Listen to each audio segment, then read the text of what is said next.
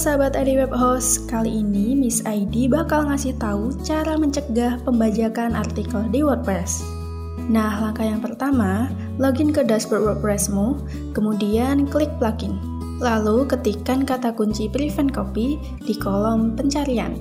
Setelah muncul hasil pencarian, pilih plugin WP Content Copy Protection and no right click.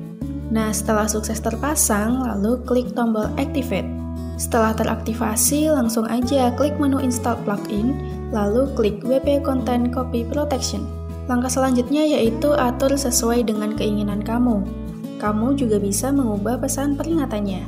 Setelah selesai, klik Save Setting. Nah, sekarang apabila seseorang berusaha membajak artikel di blogmu, mereka akan melihat pesan seperti ini. Nah, itu tadi cara mencegah pembajakan artikel di WordPress. Semoga bermanfaat ya.